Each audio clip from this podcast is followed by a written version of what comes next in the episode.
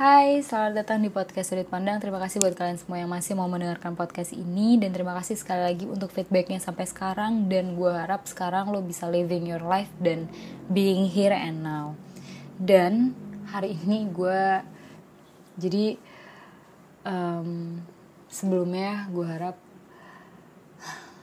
lo sekarang dalam keadaan yang bisa hidup di waktu yang sekarang dan tidak hidup di masa lalu, tidak hidup di masa depan, di mana keadaan sekarang tuh sangat mencekik. Karena sekarang tahun ini nggak kerasa udah hilang aja. Mungkin hilang tuh karena kita terlalu hidup di masa lalu gitu. Mungkin hilang tuh karena kita berharap kita berada di tahun-tahun yang normal gitu. Mungkin satu tahun ini hilang juga karena kita berharap kita berada di tahun yang kita harapkan tahun ini akan terjadi tapi ternyata nggak bisa karena semua hal ini penuh dengan dengan ketidakjelasan dengan hal-hal yang mengejutkan gitu. Jadi gue pengen cerita sebelumnya beberapa minggu yang lalu gue rasa atau beberapa ya beberapa minggu yang lalu gue pergi ke Jogja secara uh, impulsif dan secara dadakan dan sangat membahagiakan dan banyak banget hal yang gue dapat setelah gue pulang dari Jogja. Long story short pokoknya gue tiba-tiba ke Jogja karena gue ke trigger sama banyak hal. Hal dari dalam diri gue hal dari luar diri gue. Hal dalam diri gue yang mendorong gue untuk pergi ke Jogja adalah gue butuh entah kenapa gue membutuhkan sesuatu yang tidak bisa gue dapatkan di rumah tapi kayaknya kayaknya tuh waktu itu. Kayak gue bisa dapat nih di Jogja karena gue sudah sangat um, robot banget gitu di rumah. Gue udah tidak menjadi manusia gitu saat itu kayak emosi gue udah terlalu banyak gue repress terus um, diri gue sudah sangat careless terus gue merasa ya udahlah coba dulu aja izin gitu. Siapa tahu semesta kum nih semesta mendukung gitu ya. Terus akhirnya gue izin sama nyokap gue dan entah kenapa nyokap gue mengizinkan dengan mudahnya. Gue juga kaget kayak oh boleh ya udah berangkat aja. Terus gue kayak oh oke okay, gitu dengan senang hati. Terus gue langsung beli. Di saat itu juga besoknya gue rapid lusanya gue berangkat. Dan momen itu adalah momen yang bener-bener semesta tuh juga pengen gue ada di Jogja. Gue bener-bener waktu itu uh, beli tiket pulang pergi tuh ada. Terus abis itu budgetnya juga pas. Walaupun pas-pasan tapi pas gitu. Perfectly pas gitu. Terus habis itu um, biasanya gue tuh ada struggle-nya aja gitu ketika gue mau pergi ke mana. Transportnya tuh biasanya adalah gue telat adalah ada yang ketinggalan segala macam. Ini tuh nggak bener-bener gue datang lebih awal terus semuanya tuh berjalan dengan baik. Bahkan gue udah siap dari beberapa jam sebelumnya. Mungkin karena gue juga udah saking excitednya gitu ya untuk bisa ke sana. Terus yang menjadi um, highlight untuk gue ketika pergi ke Jogja adalah perjalanan ini adalah perjalanan yang sangat emosional buat gue. Gue juga nggak tahu kenapa tapi dari gue otw dari gue di sana sampai gue pulang itu nggak ada hari di mana gue nggak nangis. Entah nangis karena gue terlalu senang entah nangis karena gue terharu akhirnya bisa pulang entah karena gue nangis karena gue nggak mau balik lagi ke saat nggak mau balik lagi ke sini gue pengen terus ada di sana. Atau nangis karena gue melakukan kesalahan dan gue tahu gue melakukan kesalahan. Dan ketika gue sampai sana hal pertama yang bikin gue nangis adalah karena gue terharu akhirnya gue dari sekian banyak wacana untuk bisa ke sana lagi di tahun ini akhirnya berhasil. Dan hal yang paling bikin gue menangis ketika gue berangkat adalah mengetahui bahwa teman-teman gue yang baru gue kabarin tuh excited juga gitu untuk kedatangan gue gue terharu gitu karena gue bener-bener merasa lu pernah gak sih ngerasa tuh lo pulang entah ke rumah entah ke tempat yang lo anggap rumah terus lo merasa hangat gitu kayak lo disambut gitu lo merasa lo berada di rumah gue itu baru baru baru baru, baru ngerasain lagi gitu. Dan gue ngerasa kayak oh gini ya ternyata rasanya untuk pulang ke rumah segimana senengnya segimana gue merasa diterima seutuhnya gitu. Gue nangis di kereta. Untung gak masker sama pakai face shield jadi gak ketahuan lah. Gak notice notice banget kayaknya orang tuh gue nangis. Terus sampai gue di sana banyak banget cerita yang bikin gue nangis lagi gitu. Banyak banget cerita yang menambah insight gue. Banyak banget gue merasa ketika gue pulang gitu ya ketika gue di sana gue merasa gue bener-bener sayang sama orang-orang ini. Dan gue bener-bener ngerasa seneng banget ketika tahu kalau mereka tuh progressing gitu. Dari terakhir kali gue ketemu gue seneng banget teman-teman gue tuh berubah menjadi lebih baik. Gue seneng banget mereka tuh menjadi pribadi yang lebih baik.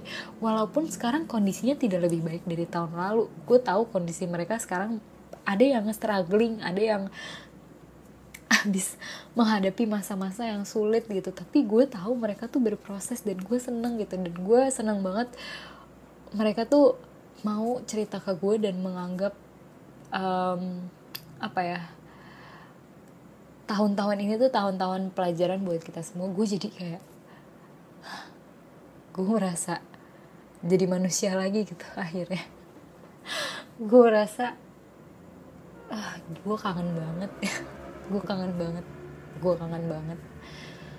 Gue merasa di rumah di mana gue dimanusiakan di mana gue di apa ya gue berperan gitu gue menjadi orang yang penting yang bisa membantu mereka. Gue tuh bisa bermanfaat gitu. Gue kayak akhirnya akhirnya waktu-waktu gue detik-detik gue tuh jauh lebih bermanfaat dibandingkan gue di rumah. Dan ketika gue di sana ada satu hal yang bikin gue sadar ketika gue pulang jadi satu hari sebelum gue pulang malamnya gue nangis lagi. Tapi yang ini tuh nangis yang unexpected yang tiba-tiba gue nangis dan gue nggak bisa berhenti. Dan gue waktu itu di kosan temen gue. Banyak banget hal yang men-trigger gue ketika gue di Jogja gitu. Dan salah satunya rasa bersalah. Rasa bersalah ke teman-teman gue rasa bersalah ke diri gue sendiri. Rasa bersalah ya rasa kangen rasa rasa tahu bahwa gue harus balik lagi ke realita gitu. Dan gue waktu itu baru pulang jam 1 terus gue nggak bisa berhenti nangis sampai jam 4 sampai temen gue bangun. Dan gue juga mempertanyakan gitu kenapa ya gue nangis? Gue juga nggak ngerti kenapa gue nangis dan gue nggak bisa berhenti nangis. Bener-bener nangis yang sesegukan gitu. Bahkan gue kayak udah mencoba membenarkan pernafasan gue gue mencoba beberapa kali tarik nafas dalam buat bisa berhenti. Gue beberapa kali mencoba merasionalisasikan alasan dibalik gue menangis. Gue beberapa kali mencoba untuk membayangkan hal-hal yang baik yang sudah terjadi. Tapi kayaknya rasa tangis ini tuh karena gue berada di lingkungan yang membuat gue merasa safe membuat gue merasa aman untuk menjadi diri gue sendiri. Akhirnya emosi gue yang selama ini gue repress keluar tanpa tahu malu gitu ya. Tanpa khawatir akan judgement tanpa khawatir akan apa pun itu akhirnya gue nangis gitu. Gue nangis tiga jam sampai subuh. Gue merasa ketika gue di rumah mungkin gue tidak merasa safe. Mungkin karena gue masih mengemban tanggung jawab atau masih ada hal-hal yang lebih penting yang harus gue lakukan dan gue sisihkan si sisi di sisi si segi emosi ini sampai akhirnya emosi ini butuh untuk meluap. Dan mungkin semesta juga pengen gue untuk menstabilkan lagi emosi gue sampai akhirnya mungkin tempat paling tepat buat gue meluapkan emosi saat itu adalah Jogja dan di saat yang tepat gitu. Gue nangis. Gue nggak bisa mikir apa apa gue cuma nangis. Gue cuma pengen nangis. Sampai gue capek dan tidur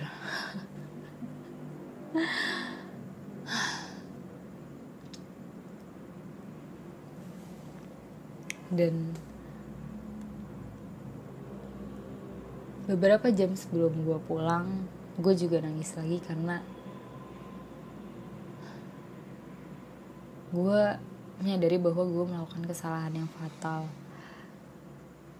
Gue menyadari bahwa gue nggak bisa memfeeding atau gue tidak bisa memenuhi harapan terhadap diri gue sendiri dan harapan terhadap gue dari orang lain gitu. Dan gue nangis karena itu gue tahu kesalahan itu fatal. Ketika gue di kereta pulang gue mikir dan gue nangis lagi gitu. Karena gue harus sudah pulang dan gue menyadari bahwa kenapa sih gue belum bisa move on?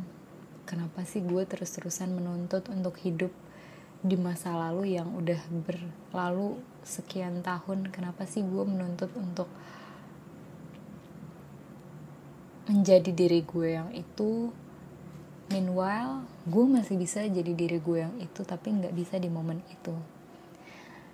Dan ketika gue udah di rumah gue mikir kayaknya udah cukup deh gue hidup di masa lalu. Mau sampai kapan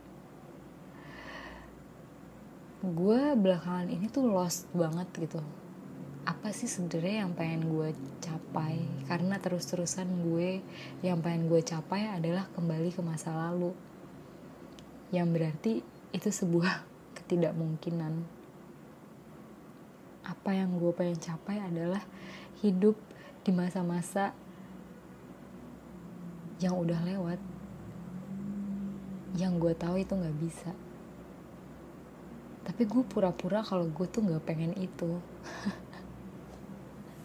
Itu alasan satu satu alasan kenapa gue capek secara emosional karena gue terus mendinai dan gue terus terus tidak membuka apa yang sebenarnya gue pengen. Gue terus-terusan menahan bahwa gue takut kalau gue akan kecewa bahwa menerima kenyataan kalau ya gue udah nggak bisa balik lagi bahwa semuanya sudah berubah bahwa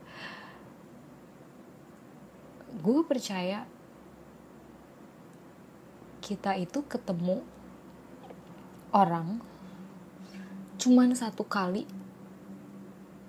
di momen itu doang walaupun ke depannya kita akan ketemu orang itu lagi gitu. Dan itu nggak selalu buruk cuman ketika momennya sudah lewat dan kita ketemu lagi sama orang ini semuanya akan udah berubah.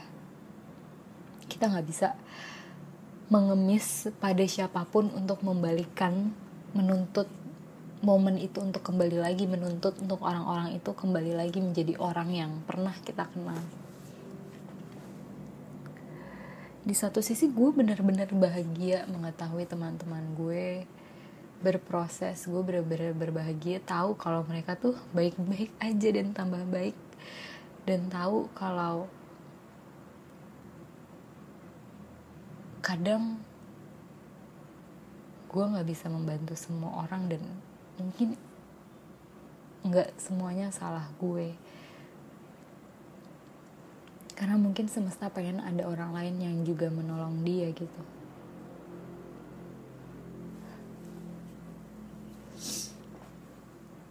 pas udah pulang gue ngerasa gue terlalu lama ya ternyata hidup di masa lalu. Dan gue yakin kok orang-orang tuh sadar. Dan mungkin orang-orang juga udah berusaha memberitahu gue kalau ya udahlah lo hidup sekarang aja gitu. Lo nggak bisa gitu untuk menuntut kembali ke masa lalu. Atau mungkin orang-orang nggak mau gue denial jadi mereka nggak bilang ke gue. Tapi sampai akhirnya gue sekarang sadar kalau gue nggak bisa kayak gini terus gitu. Gue tahu gue pernah berbahagia di masa lalu. Tapi kalau gue terus-terusan meracuni memori yang udah ada mungkin yang tadinya memori itu bahagia memorinya jadi menyedihkan gitu karena lo tahu lo nggak akan bisa balik lagi ke sana. Dan itu jadi lebih menyedihkan dibandingkan lo tahu kalau lo pernah bahagia. Mungkin itu salah satu alasan gue nangis ya karena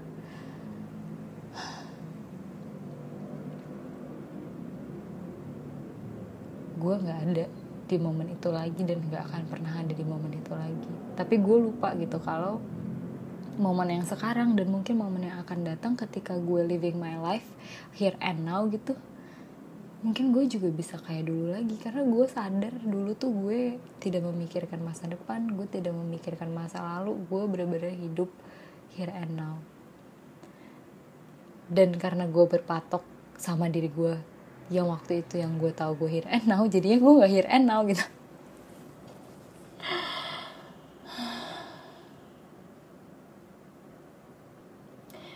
kita tuh mempersif memori kita tuh bias ya. Kita cuman memilih memori-memori yang menyenangkan padahal pada saat kejadian itu berlangsung itu tidak semenyenangkan itu atau tidak semenyedihkan itu. Cuman karena kita makhluk sosial jadi kita senang dengan sebuah hal yang bisa dirangkai sebagai cerita. Yang ada plotnya gitu yang ada poin emosionalnya. Apakah ini senang sedih atau apa pun itu ketika gue pulang tuh kayaknya semesta tuh menunjukkan gitu lu tuh terlalu lama woi hidup di masa lalu. Karena gue baca tweet teman gue atau retweetan orang gitu ada yang intinya bilang kalau gue nggak ngerti ya kenapa sih ada mas-mas yang selalu pengen ikut makrab um, mas-mas yang udah tua banget tapi selalu pengen oh enggak enggak gini. Gue takut jadi mas-mas yang selalu membangga-banggakan tongkrongannya waktu dulu atau gue takut jadi mas-mas yang selalu datang yang udah punya anak dan selalu datang ke makrabnya bocil-bocil. Pokoknya intinya kayak gitu. Terus gue kayak ah shit. I did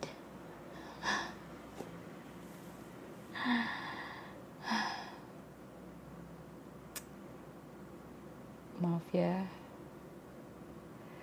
Untuk terlalu banyak memanipulasi pikiran ini jadinya nggak tahu diri ini tuh pengen dibawa ke mana. Gue nggak tahu berapa banyak yang gue rugikan dari pikiran ini. Gue nggak tahu berapa banyak yang dirugikan dari perilaku gue ketika gue sangat impulsif untuk menuntut kembali ke masa lalu gue yakin ada yang tersakiti gue yakin.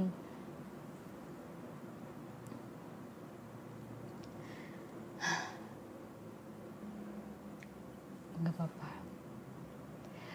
Sampai saat ini di mana gue bikin podcast ini gue masih berusaha mencoba accepting. Gue baru di tahap acknowledging gue baru menyadari dan mungkin gue masih butuh waktu gitu. Mungkin untuk lo semua yang sudah baru mau atau punya tanda-tanda untuk menyadari bahwa lo hidup di dimensi yang lain.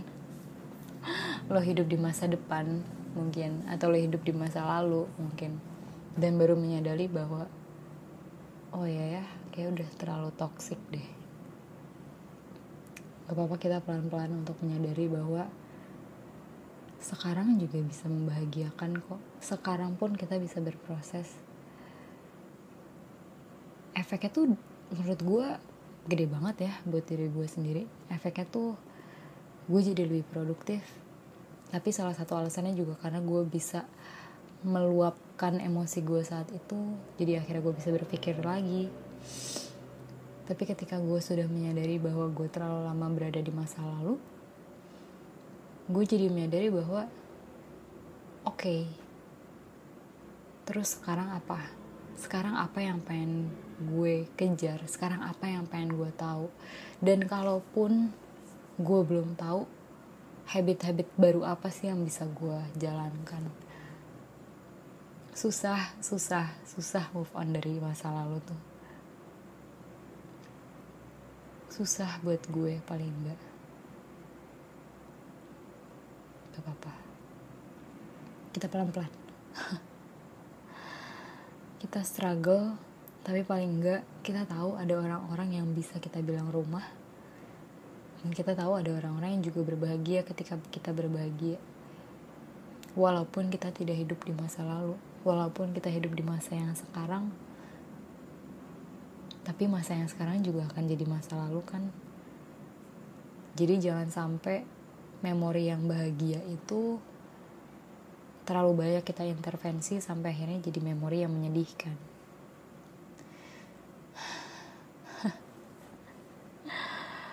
Mungkin terakhir dari gue buat kalian semua yang sudah bisa hidup atau dalam masa-masa yang sangat membahagiakan dinikmati tapi jangan dibawa sampai mati karena nggak akan pernah bisa.